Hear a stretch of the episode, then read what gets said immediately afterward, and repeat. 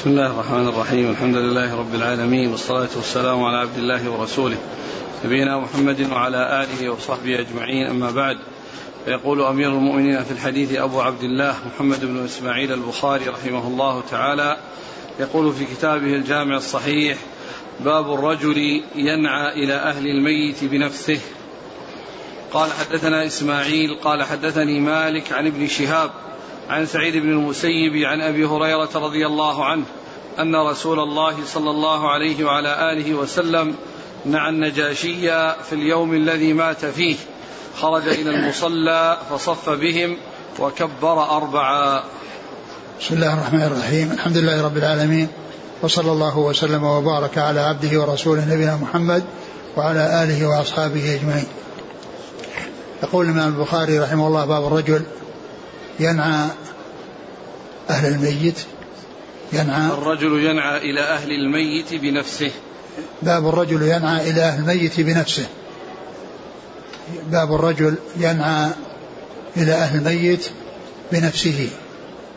المقصود من هذه الترجمة أن أن أن الميت يعني إذا مات وأخبر يعني رجل وأخبر بموته سواء يعني آه، حصل ذلك لأهله الذين هم الأهل الأقارب الذين هم آه، الخاصين به أو ينعاه إلى يعني المسلمين أو إلى غيره ممن ليسوا من أقاربه لإخبارهم بوفاته بأن يدعوا له ويستغفروا له.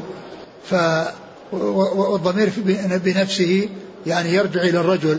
يعني الرجل هو الذي يتولى ذلك بنفسه يتولى ذلك بنفسه بأن ينعاه إلى أهله يعني يخبر بوفاته و ويدخل في ذلك الأقارب وغير الأقارب لأن الرسول عليه الصلاة والسلام ذكر في هذا الحديث أن النجاة أن النبي أنه صلى الله عليه وسلم أخبر أن الناس أو أخبر الناس بوفاة النجاشي وأنه خرج بهم إلى المصلى وصلى بهم أربع وكبر أربعة يعني أربع تكبيرات التي هي صلاة الجنازة.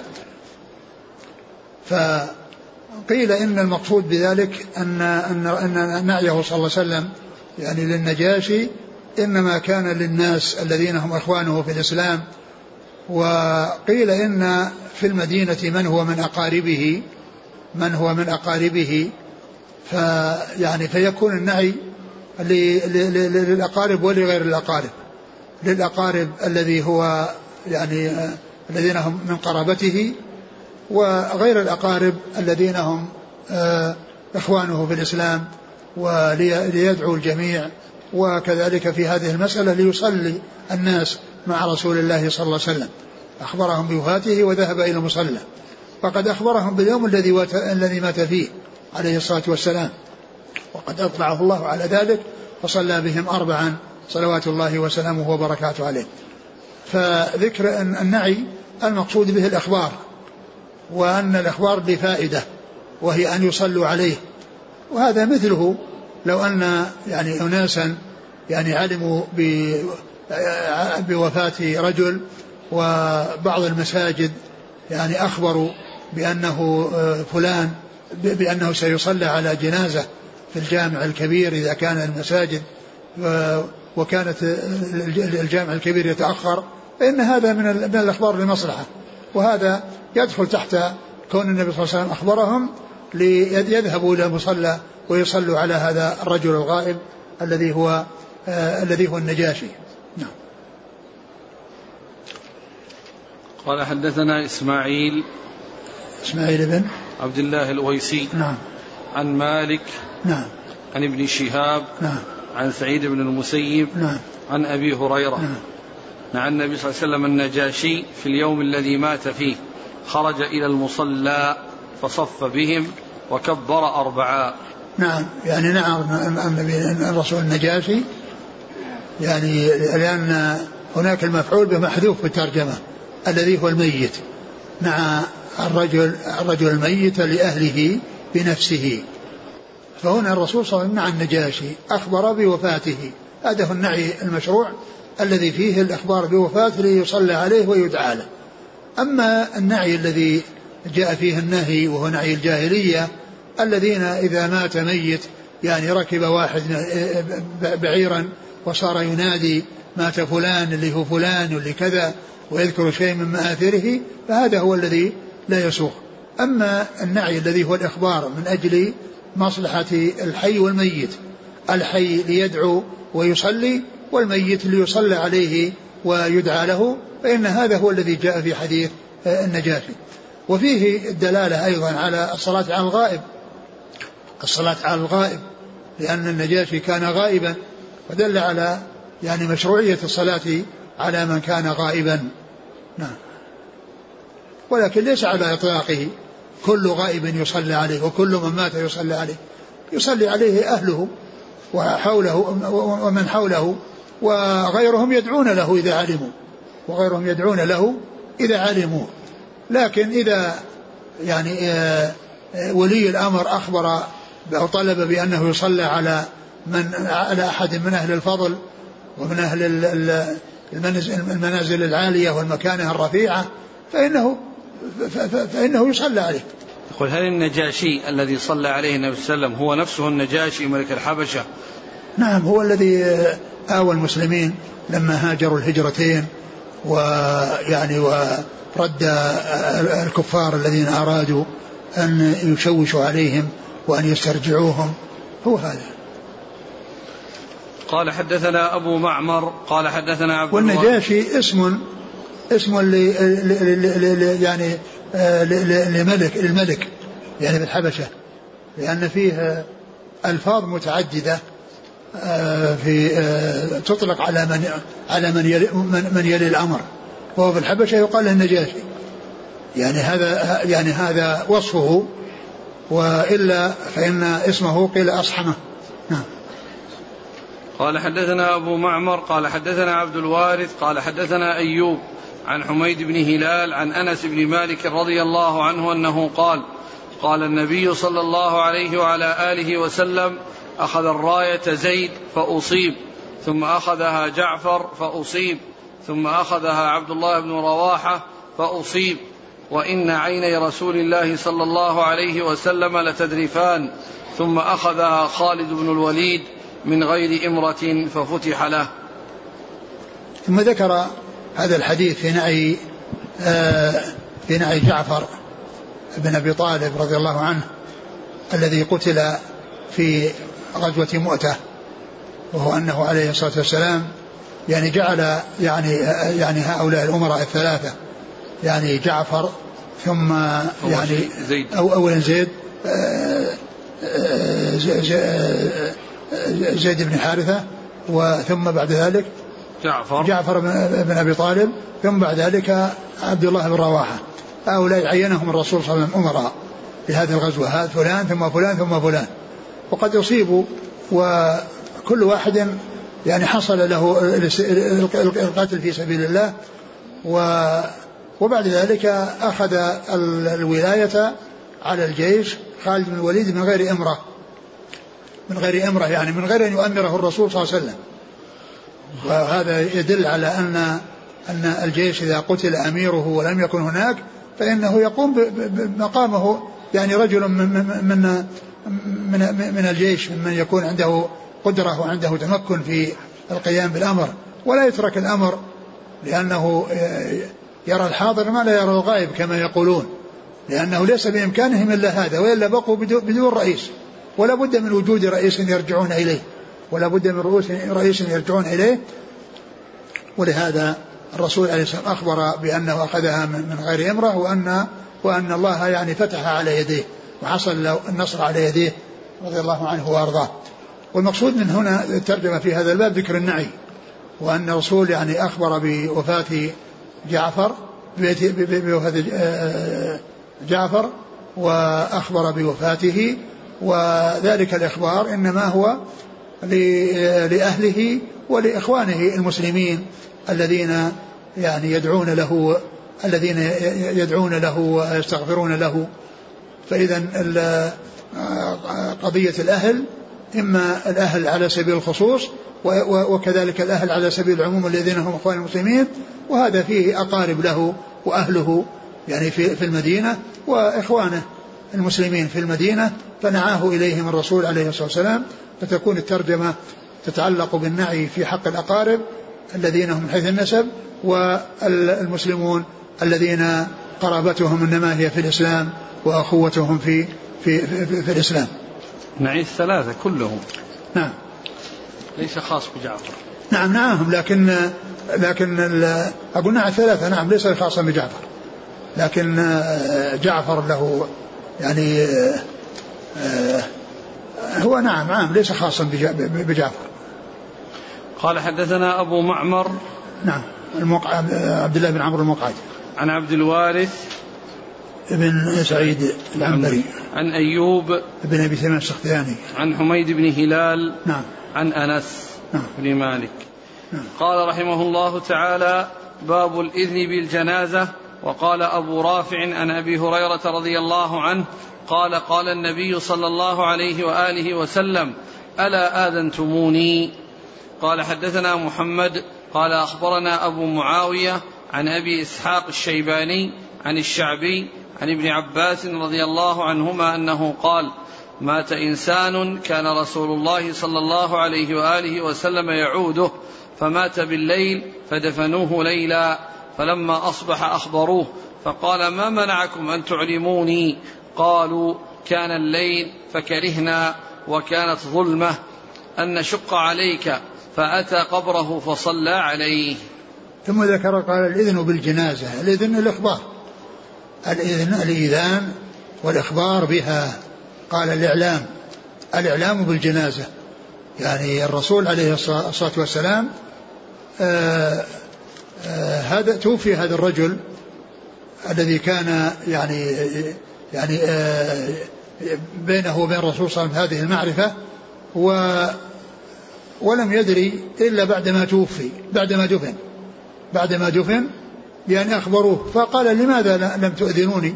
لماذا لم تخبروني؟ قالوا إنه توفي في الليل وكانت ظلمة فكرهنا أن نشق عليك.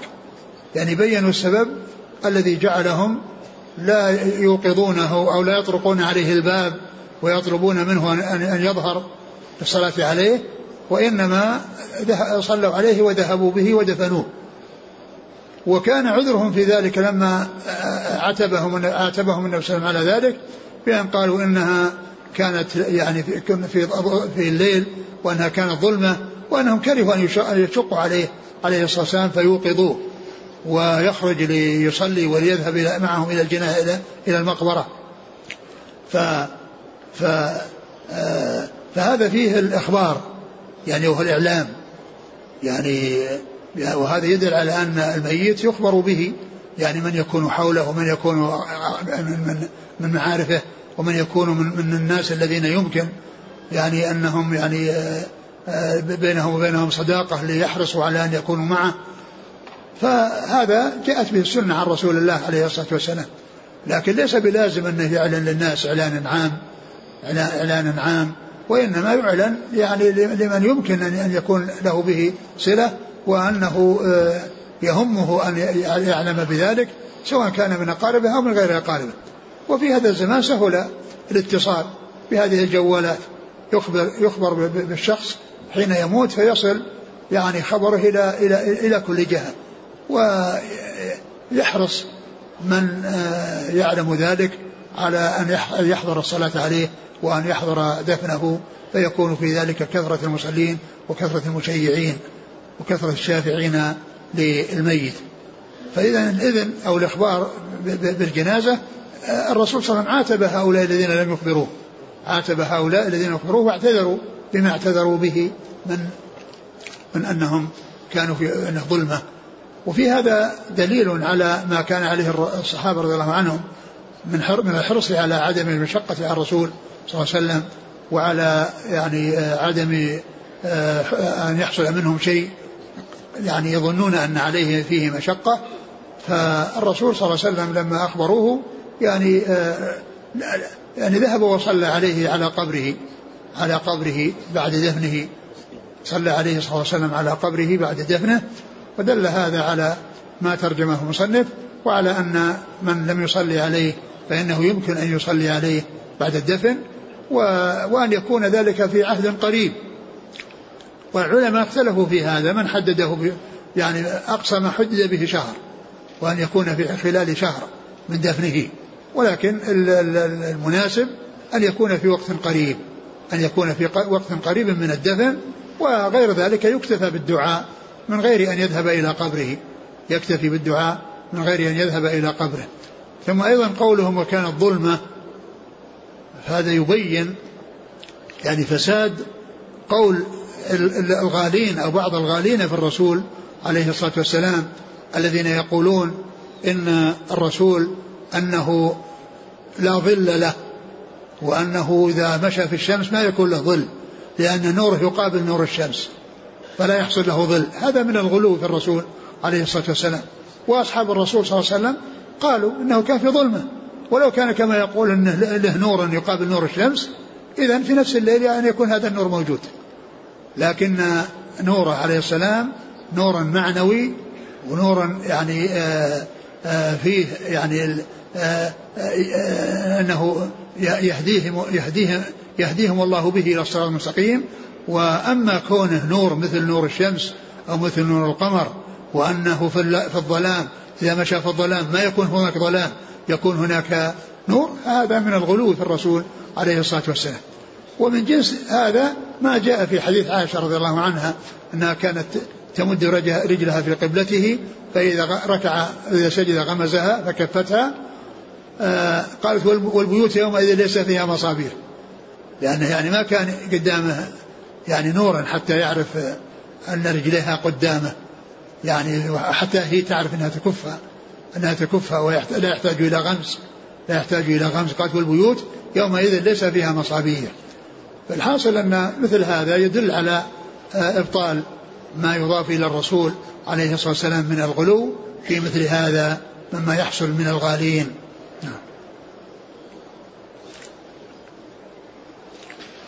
قال حدثنا محمد بن سلام.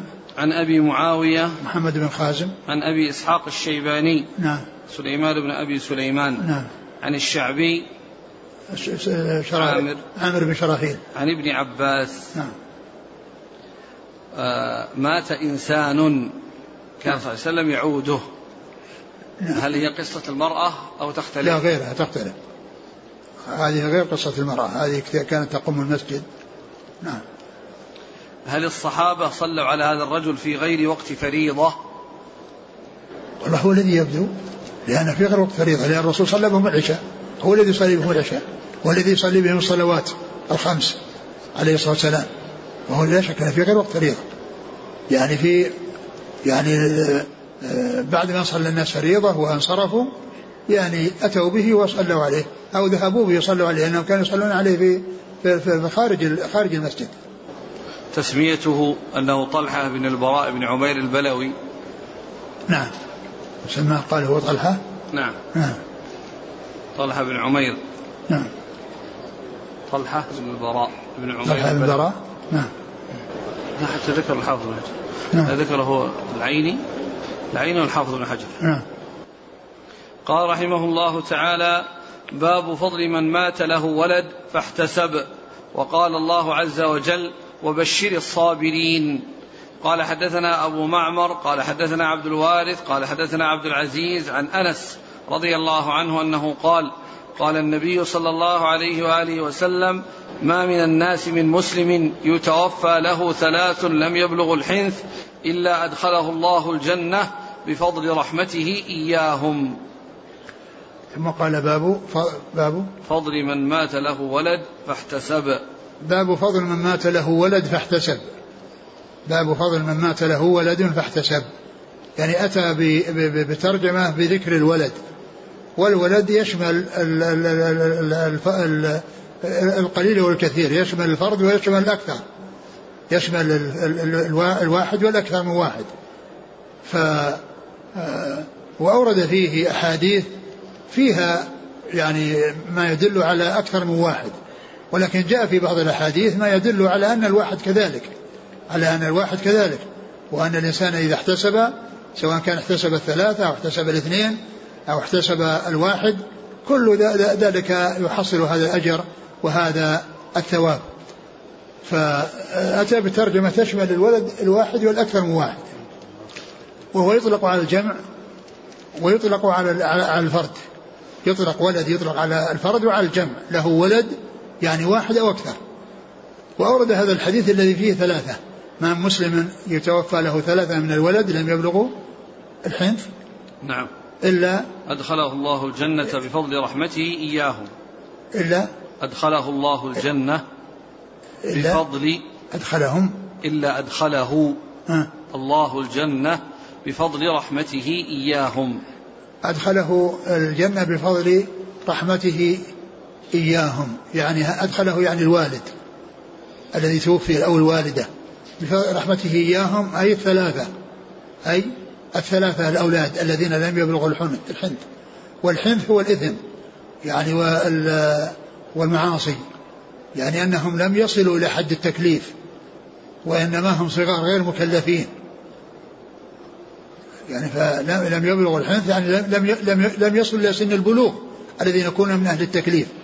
لأنهم في هذه الحال يعني صغار والعطف عليهم والرعاية لهم يعني آه، يحتاجون إلى والدهم وكذلك هو يعني لم آه، في صغرهم لا لم يحصل له شيء يعني يكرهه منهم كالعقوق فيما إذا كانوا كبارا. فإنهم صغار والعطف عليهم يعني حاصل. والشفقة عليهم حاصلة ف يعني فقدهم يعني في حال صغرهم آه، وهم لم يبلغوا الح- الحنث آه، آه، وصبر واحتسب فإن الله تعالى يدخله الجنة أي هذا ال- الوالد أو الوالدة بفضل رحمته إياهم يعني هؤلاء الصغار الذين ماتوا. فالحديث يدل على ذكر الثلاثة. يدل على ذكر الثلاثة وقد جاء في بعضها الاثنين وقد جاء في بعضها ذكر الواحد بالنص ولكن في الأسانيد كلام وجاء ذكر يعني لفظ عام يشمل ال ال ال ال الواحد والأكثر يشمل الواحد والأكثر.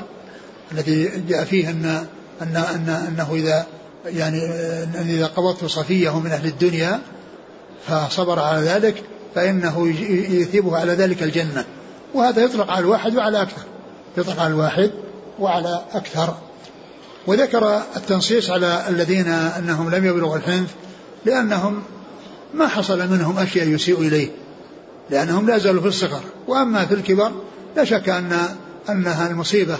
قد تكون في بعضهم شديدة وقد تكون في بعضهم ليست كذلك لعقوقهم ولسوء معاملتهم إياه ويعني ما يحصل منهم من إضرار به.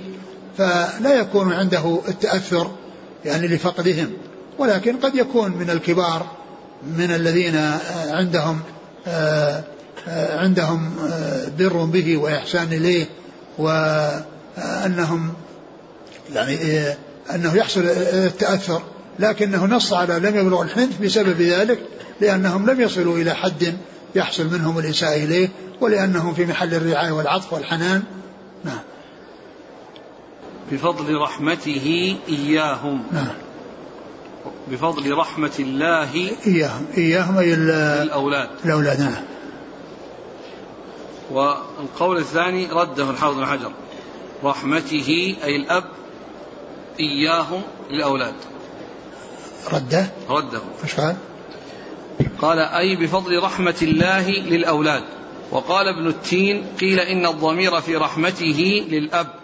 لكونه كان يرحمهم في الدنيا فيجازى بالرحمة في الآخرة. والأول أولى. ويؤيده أن في رواية ابن ماجه من هذا الوجه بفضل رحمة الله إياهم. يعني هو لا شك هذا أولى من أجل أنه جاء النص في ذكر الله ذكر الله في الرواية هذه. لكن كونه يعني رحمهم يعني الله جازاه على رحمته إياهم وإحسانه إليهم وصبره على فقدهم. الجنة. يعني هو أولى لكن ليس مستبعدا وأنه يعني غير صحيح.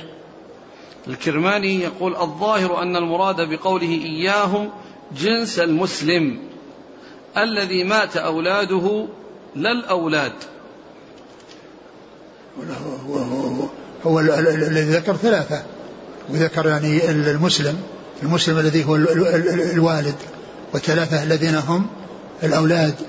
الذين كان يعطف عليهم ويحسن إليهم ويربيهم وهم لم يبلغوا الحنث حنث فالأصل الذي يبدو أنه أنه أنه, أنه مقصود به الأولاد وليس يعني الجنس نعم.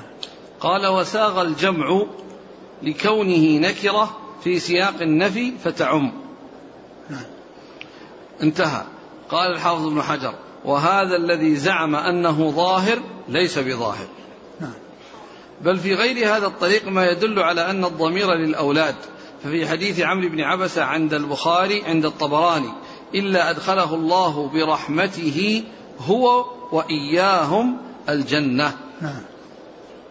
وفي حديث أبي ثعلبة الأشجعي مقدم ذكره أدخله الله الجنة بفضل رحمته إياهم.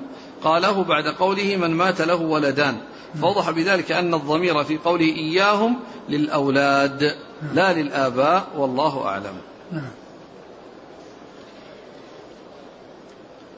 قال حدثنا أبو معمر عن عبد الوارث عن عبد العزيز.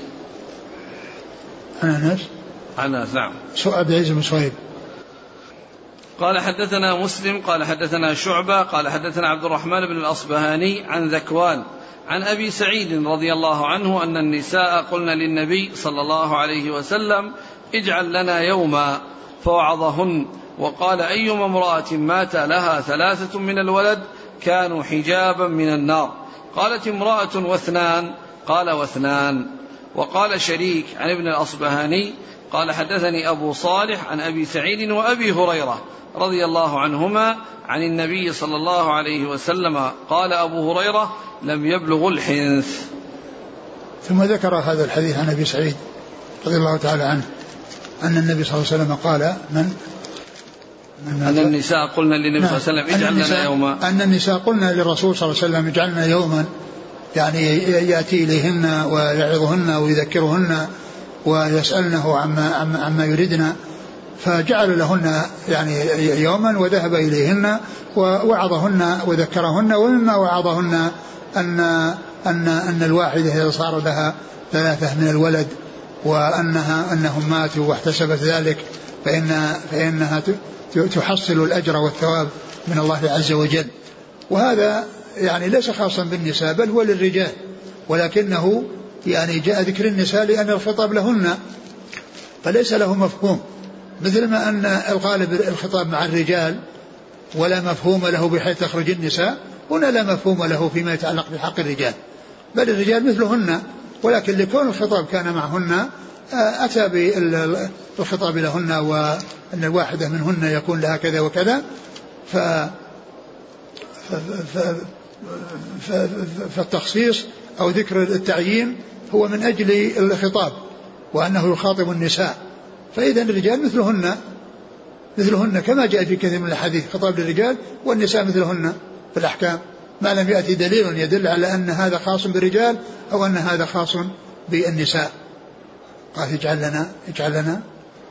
قلنا للنبي صلى الله عليه وسلم اجعل لنا يوما نعم. فوعظهن وقال أيما امرأة مات لها ثلاثة من الولد كانوا حجابا من النار.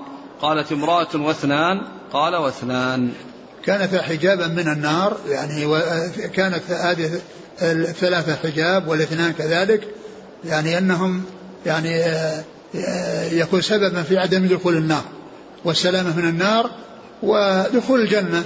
لأن من سلم من النار ليس عنده إلا الجنة وليس أمامه إلا الجنة. فهو يحصل الجنة ويسلم من النار.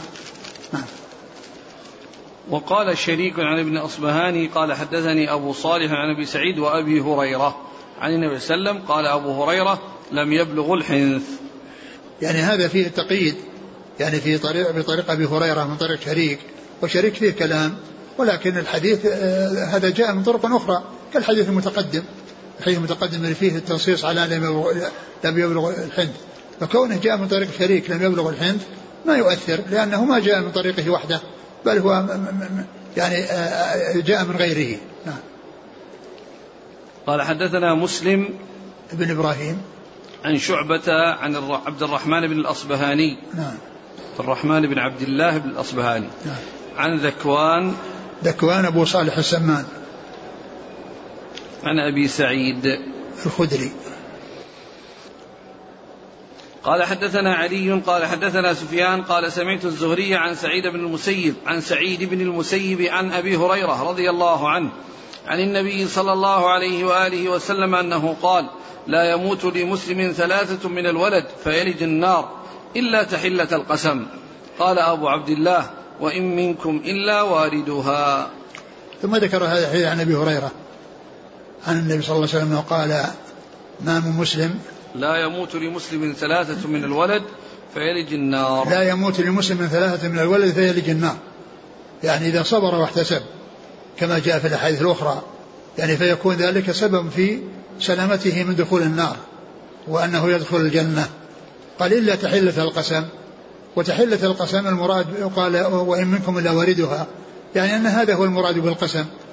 وهو أن أن أن, أن, أن أنه لا يلج النار وأنه آه، لا يحصل آه، لولوج آه، يحصل السلامة أن أن أن أن أن من كان كذلك فإنها فإنه لا يلج النار لا تحلة القسم. والمقصود بتحلة القسم أن الله عز وجل قال وإن منكم إلا واردها كان ربك حتما ربك حتما مقضيا ثم نجي لن تقوى الظالمين فيها جثية. وقد جاء في آه، تفسير يعني تحلة القسم يعني أقل شيء يعني يحصل آه، مما يعني حصل القسم عليه. وفسر ذلك بأنه الدخول ولكنه دخول تكون عليه بردا وسلاما.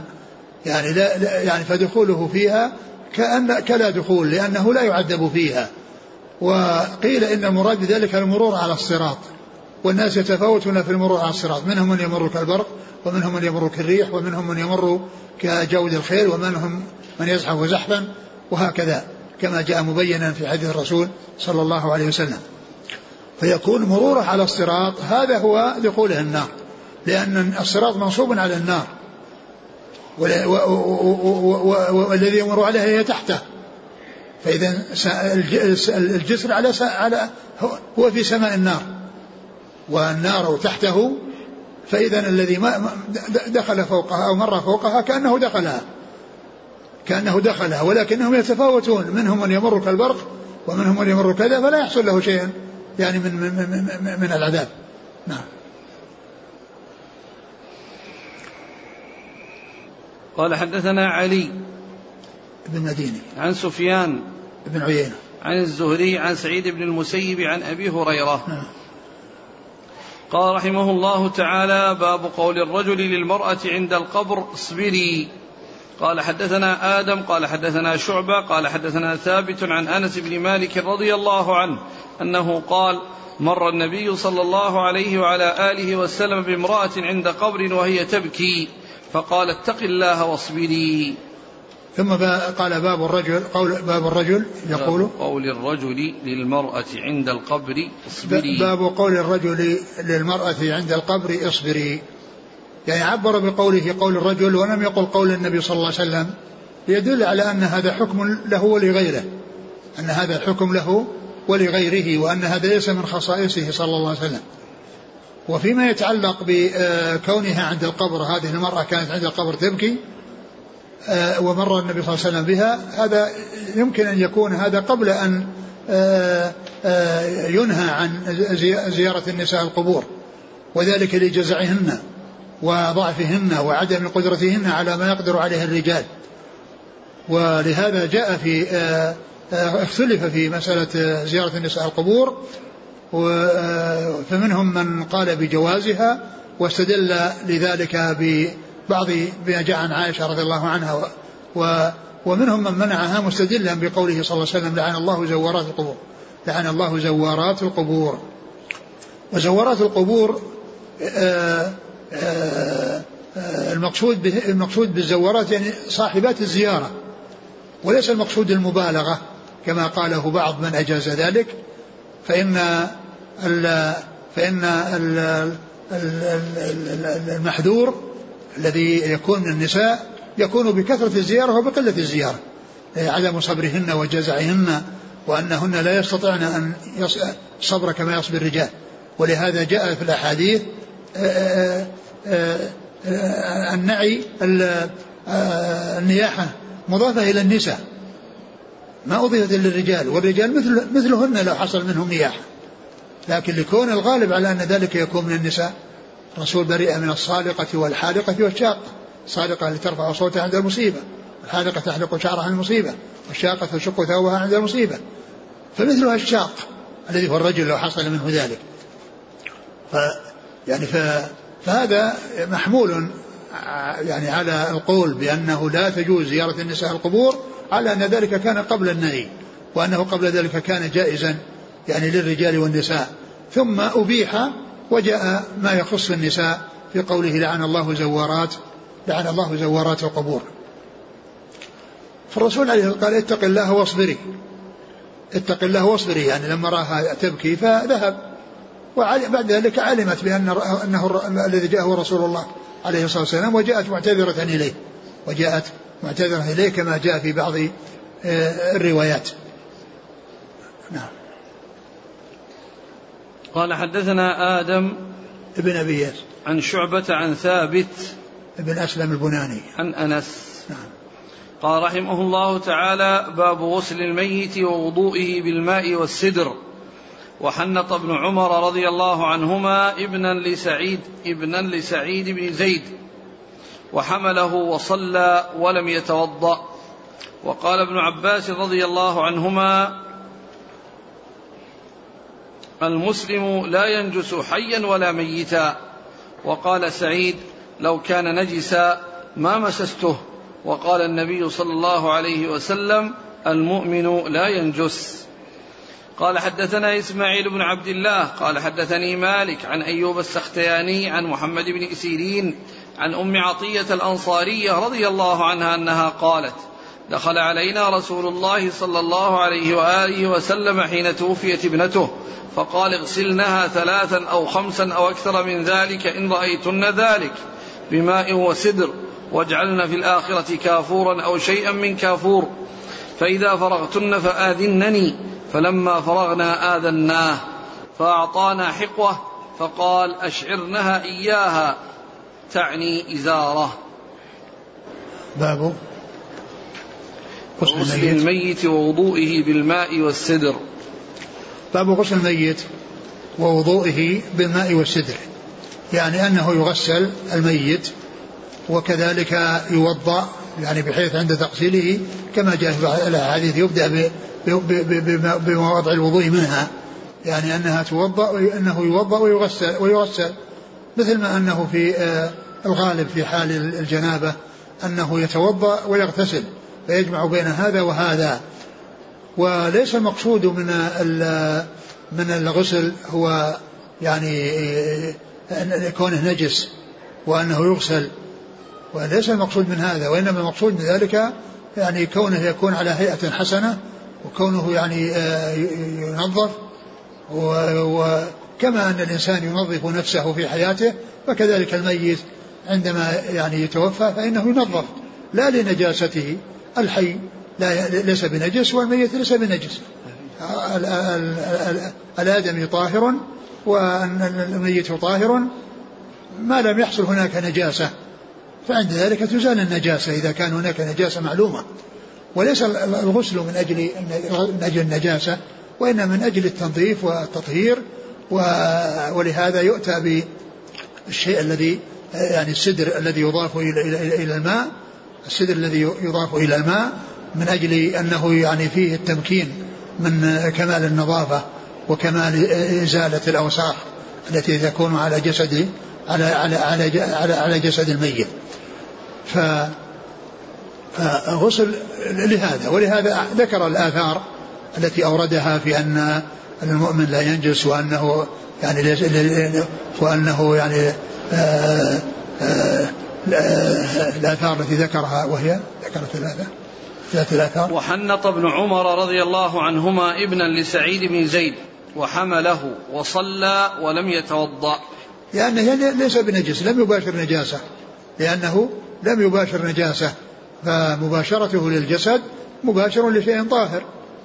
نعم لكن الذي يغسل الميت ويمس فرجه بيده مباشرة هذا يتوضأ. لكن إذا كان من وراء ساتر ولم يصل إلى عورته مباشرة فإنه آه، لا, لا يتوضأ. نعم. حنط حنطه يعني آه، طيبه لأن الحنوط هو الطيب الذي يهيأ للميت يعني يخلط بأخلاط. فحنطه يعني طيبه بطيب خاص بالأموات. يعني كان خاصا بالأموات والآن يمكن أن يطيب يعني بالطيب الذي هو من أطيب الطيب ومن أحسن الطيب. نعم.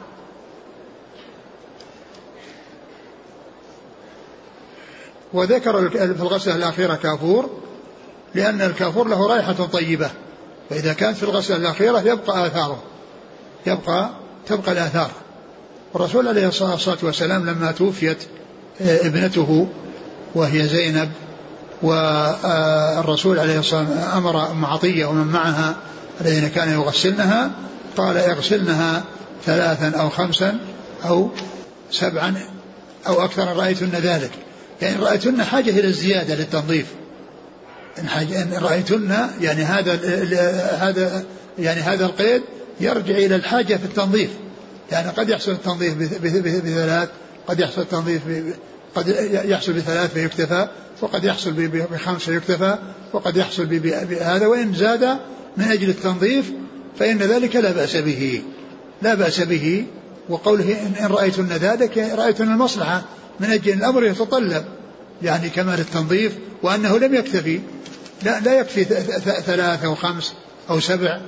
فإذا احتيج إلى شيء من ذلك فإنه يزاد من أجل الحاجة. ويختم على وتر. نعم. وقال ابن عباس رضي الله عنهما المسلم لا ينجس حيا ولا ميتا. نعم المسلم لا ينجس حيا ولا ميتا. هو طاهر حيا وميتا. فلا يت... فلا يحصل بموته تغير الحال من الطهارة إلى النجاسة وإنما هو طاهر حيا وميتا.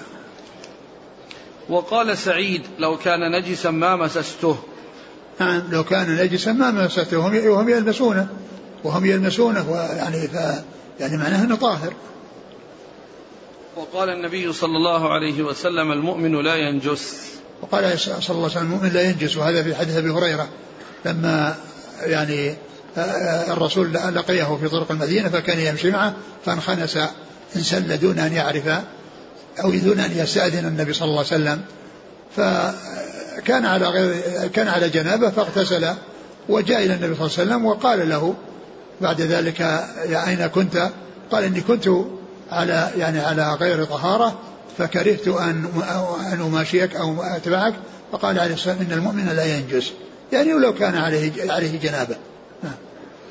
أم عطية قالت دخل عليه النبي صلى الله عليه وسلم حين توفيت ابنته. يعني ابنته زينب. نعم.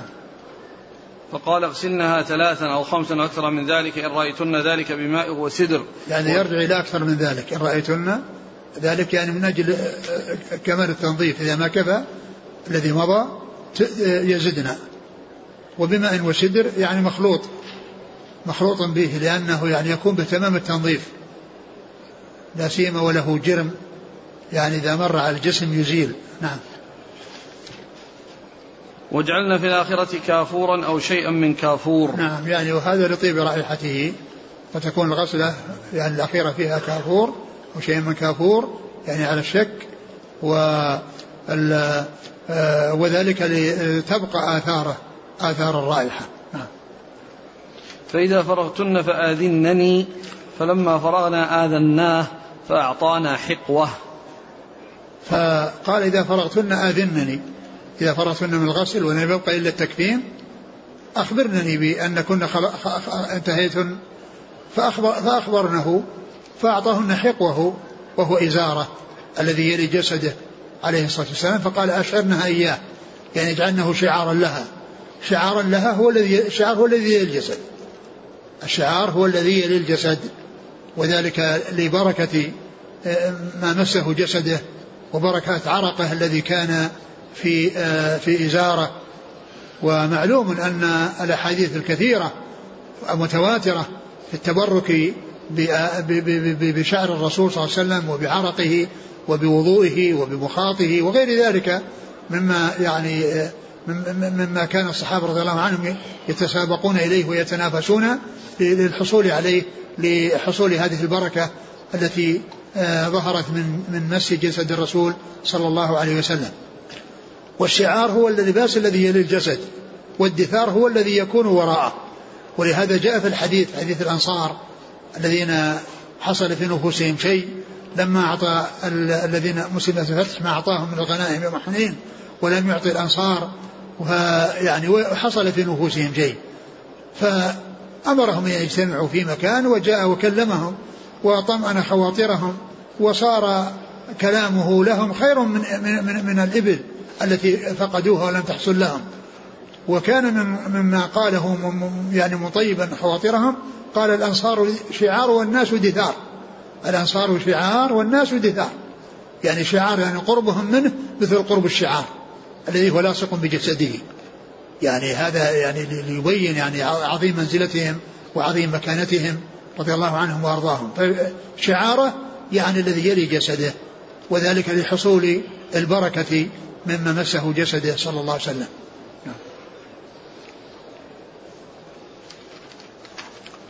قال حدثنا إسماعيل بن عبد الله عن مالك عن أيوب السختياني عن محمد بن سيرين عن أم عطية الأنصارية نعم. قال رحمه الله تعالى باب ما يستحب أن يغسل وترا قال حدثنا محمد قال حدثنا عبد الوهاب الثقفي عن أيوب عن محمد عن أم عطية رضي الله عنها أنها قالت دخل علينا رسول الله صلى الله عليه وسلم ونحن نغسل ابنته فقال اغسلنها ثلاثا أو خمسا أو أكثر من ذلك بماء وسدر واجعلن في الآخرة كافورا. فإذا فرغتن فآذنني. فلما فرغنا آذناه فألقى إلينا حقوه فقال أشعرنها إياه. فقال أيوب وحدثتني حفصة بمثل حديث محمد وكان في حديث حفصة اغسلنها وترا وكان فيه ثلاثة أو خمسة أو سبعة وكان فيه أنه قال ابدأوا بميامنها ومواضع الوضوء منها. وكان فيه أن أم عطية قالت ومشطنها ثلاثة قرون. ثم ذكر هذا يعني باب الغسل وترا. أو الغسل وترا يعني أنه يختم بوتر بأن يكون ثلاثا أو خمسا أو سبعا أو تسعا إذا كان هناك حاجة تدعو إلى الزيادة كما جاء مقيدا في الحديث السابق. إن, إن, إن رأيتن ذلك. يعني إن رأيتن الحاجة داعية إلى ذلك من أجل كمال التنظيف ومن أجل حصول التنظيف فافعلنا. أورد الحديث وفيه الثلاث لأنه أورده من أجل الغسل ومشروعيته وكذلك توضيئه يعني وأنه يوضأ ويغسل. وهنا أورده من أجل الإيثار وأن يختم على وتر. وذكر الحديث وهو مطولا وهو مشتمل على محل الشاهد وهو أنه جاء فيه أنه وترا وجاء فيه أنه ثلاثا أو خمسا أو آه سبعا. قال حدثنا محمد عمن ذكر ثلاث احتمالات إما ابن المثنى أو ابن سلام أو ابن الوليد البسري عن عبد الوهاب الثقفي. نعم. عبد الوهاب بن عبد المجيد. نعم. عن أيوب عن محمد عن أم عطية. نعم فقال أيوب وحدثتني حفصة بن سيرين. بمثل حديث محمد. أخيها محمد. قال رحمه الله تعالى باب يبدأ بميامن الميت. قال حدثنا علي بن عبد الله. قال حدثنا إسماعيل بن إبراهيم. قال حدثنا خالد عن حفصة بنت سيرين. عن أم عطية رضي الله عنها أنها قالت قال رسول الله صلى الله عليه وسلم في غسل ابنته ابدأن بميامنها ومواضع الوضوء منها. ثم ذكر هذه الترجمة وهي البدء بالميامن يعني في, في, في, في الغسل والوضوء. قال ابدأنا بميامنها ومواضع الوضوء منها. يعني فإنها توضأ ثم يعني ويبدأ بالميامن عند الوضوء وكذلك يبدأ بالميامن عند الغسل يعني بعد الوضوء. وذكر هذه ذكر هذه عطية وفيه الجزء هذا الجزء الذي هو محل الشاهد حيث قال ابدأنا بميامنها ومواضع الوضوء منها. قال حدثنا علي بن عبد الله بن المديني. عن إسماعيل بن إبراهيم بن علية. عن خالد حذاء نعم خالد بن بن بن مهران الحذاء. عن حفصة بنت سيرين عن أم عطية. نعم. قال رحمه الله تعالى باب مواضع الوضوء من الميت. قال حدثنا يحيى بن موسى قال حدثنا وكيع عن سفيان عن خالد الحذاء عن حفصة بنت سيرين عن أم عطية رضي الله عنها أنها قالت لما غسلنا بنت النبي صلى الله عليه وسلم قال لنا ونحن نغسلها ابدأوا بميامنها ومواضع الوضوء. نعم ثم ذكر هذه الترجمة وهي باب مواضع الوضوء من الميت. باب وضوع مواضع الوضوء من الميت. يعني أنه يعني يبدأ بها. يعني فتوضأ أولا ثم تغسل تغسل ثانيا. ويبدأ بالميامن في في الوضوء وفي الغسل. المعلوم أنه في في في الوضوء يبدأ بالميامن وتغسل اليد اليمنى قبل اليسرى والرجل اليمنى قبل اليسرى. و آه، وكذلك في الغسل يعني يغسل الجانب الأيمن قبل الجانب الأيسر. نعم.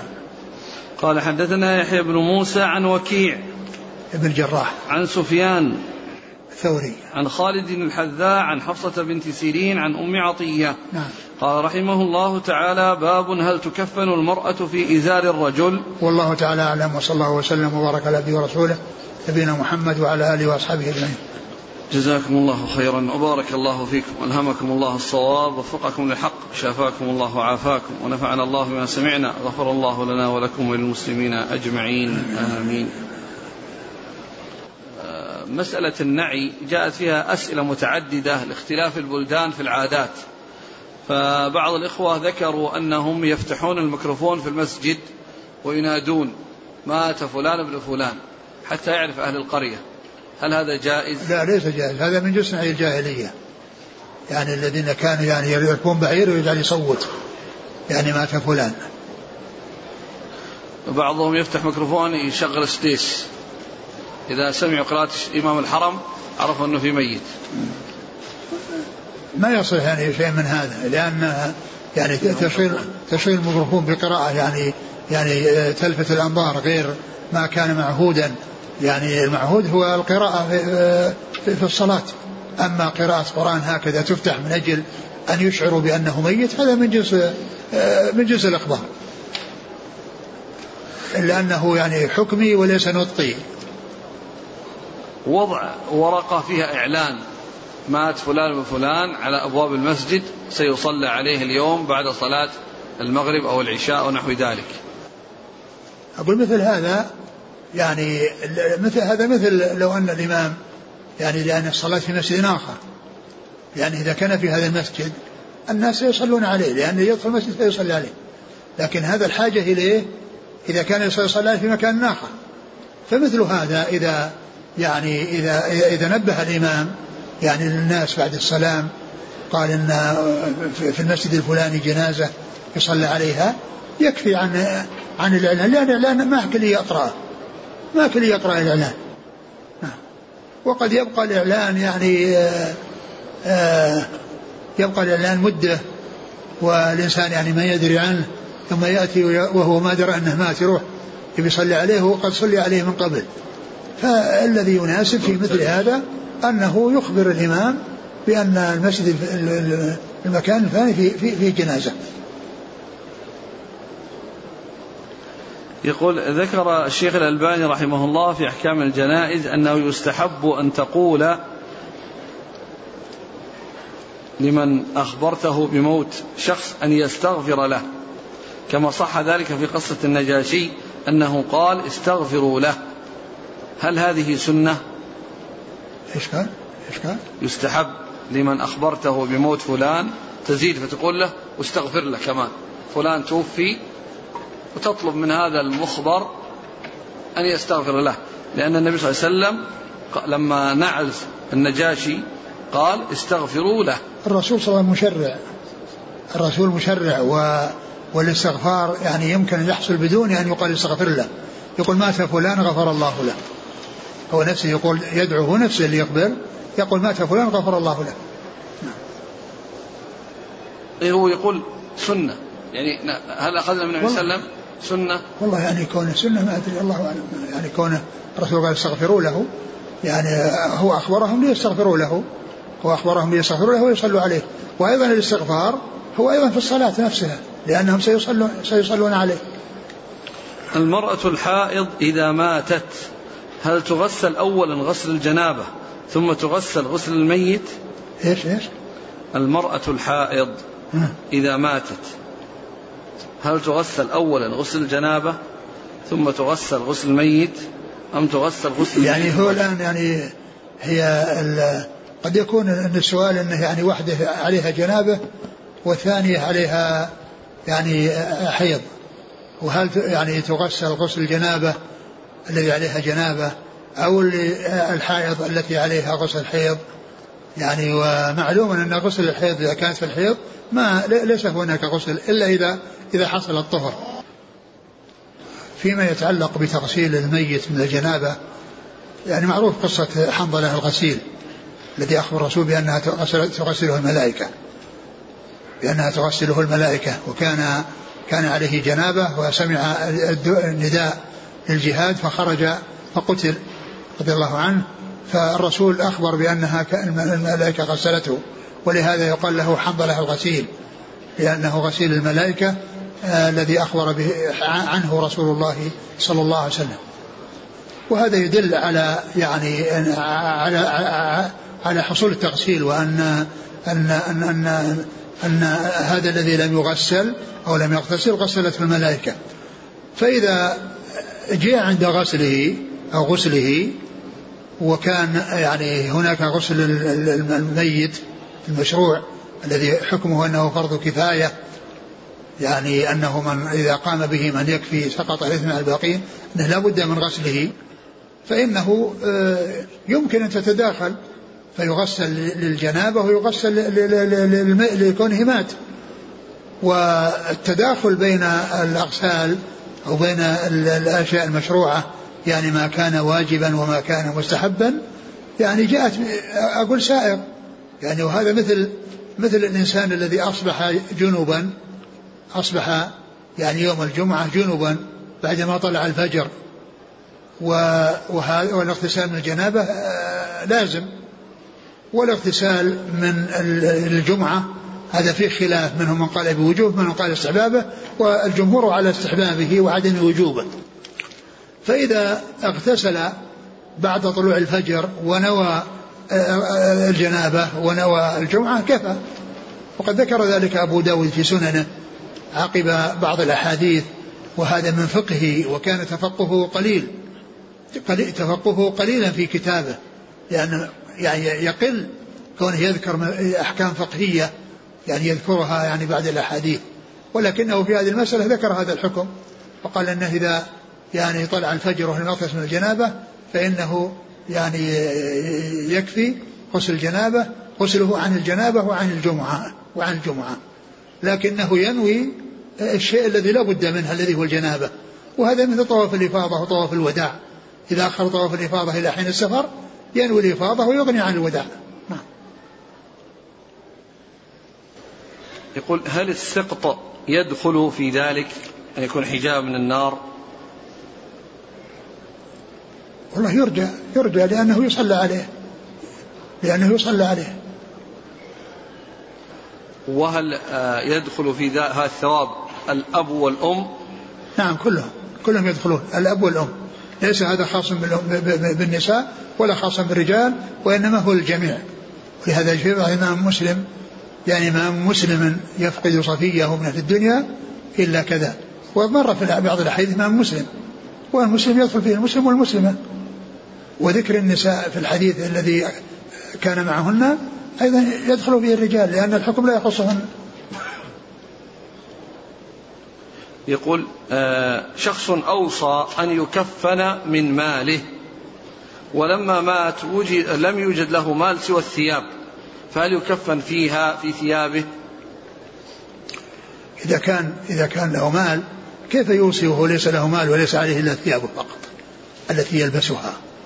يعني التكفين في في إذا كان له مال يمكن يكفن منه يعني يكفن وإلا فإنه يكفن بثلاث بثلاث لفائف بيض كما يكفن غيره من الأموات. هذا إن لم يكن له مال يمكن وأما إن كان له مال فإنها تحقق تنفذ وصيته. يقول أن نحن نعيش في غابة كأنه بعيد عن الماء فتوفي شخص عندنا فماذا نفعل به؟ إذا كان ما في ماء ييمم. ييمم بدل الغسل. نعم يعني مثل لو امرأة ماتت بين الرجال وليس فيهم زوجها. فإنها تيمم لا يغسلها رجل. يقول صلاة الغائب حيث تكون على حكام أو حاكم حكام المسلمين هل هي مشروطة بعدم وجود أناس يصلون عليه في بلده آه، صلاة الغائب من العلماء من قال إنها خاصة بمن لم يصلى عليه في بلده ومنهم من أجاز أن يعني يصلى يعني على أهل الفضل في إذا إذا أمر ولي الأمر بذلك فإنه يصلى عليه ولا ولا ولا يمتنع من الصلاة عليه. إلا إذا كان الذي لا يصلى الذي يصلى عليه يعني معروف أمره بأنه يعني ليس أهلا لأن يصلى عليه لا لا يصلي عليه. يعني من علم حاله. يقول آه، هل يجوز الدعاء بهذه الصيغة لشخص أن يقال فلتباركه السماء؟ لا هذا ما يصلح أبدا. يعني يعني السماء يعني قد قد يكون المراد به يعني يعني يعني السماء الذي هو الفوق أو السماوات المبنية وقد يكون المراد به يعني أن الله عز وجل لأنه هو الذي في السماء امنتم من في السماء يعني أما مثل هذه العبارة ف يقال بارك الله فيه اللهم بارك فيه فيضاف إلى الله عز وجل لا يضاف إلى السماء. يقول أعلن إمام مسجد بالميكروفون عقب الصلاة وفاة أحد سكان الحي. وكان فقيرا بغرض أن يقوم الناس بإعانة أهله وشراء الكفن وغير ذلك. فهل هذا جائز؟ يعني هل الإمام هذا يدفع الكفن؟ أقول أقول شيء بسيط وسهل فلا يحتاج إلى إعلان. الكفن هو يعطيهم الكفن. وإذا كان لا يستطيع يعني يطلب من بعض الأغنياء يعطيهم كفن. جزاكم الله خيرا. سبحانك اللهم وبحمدك نشهد أن لا إله إلا أنت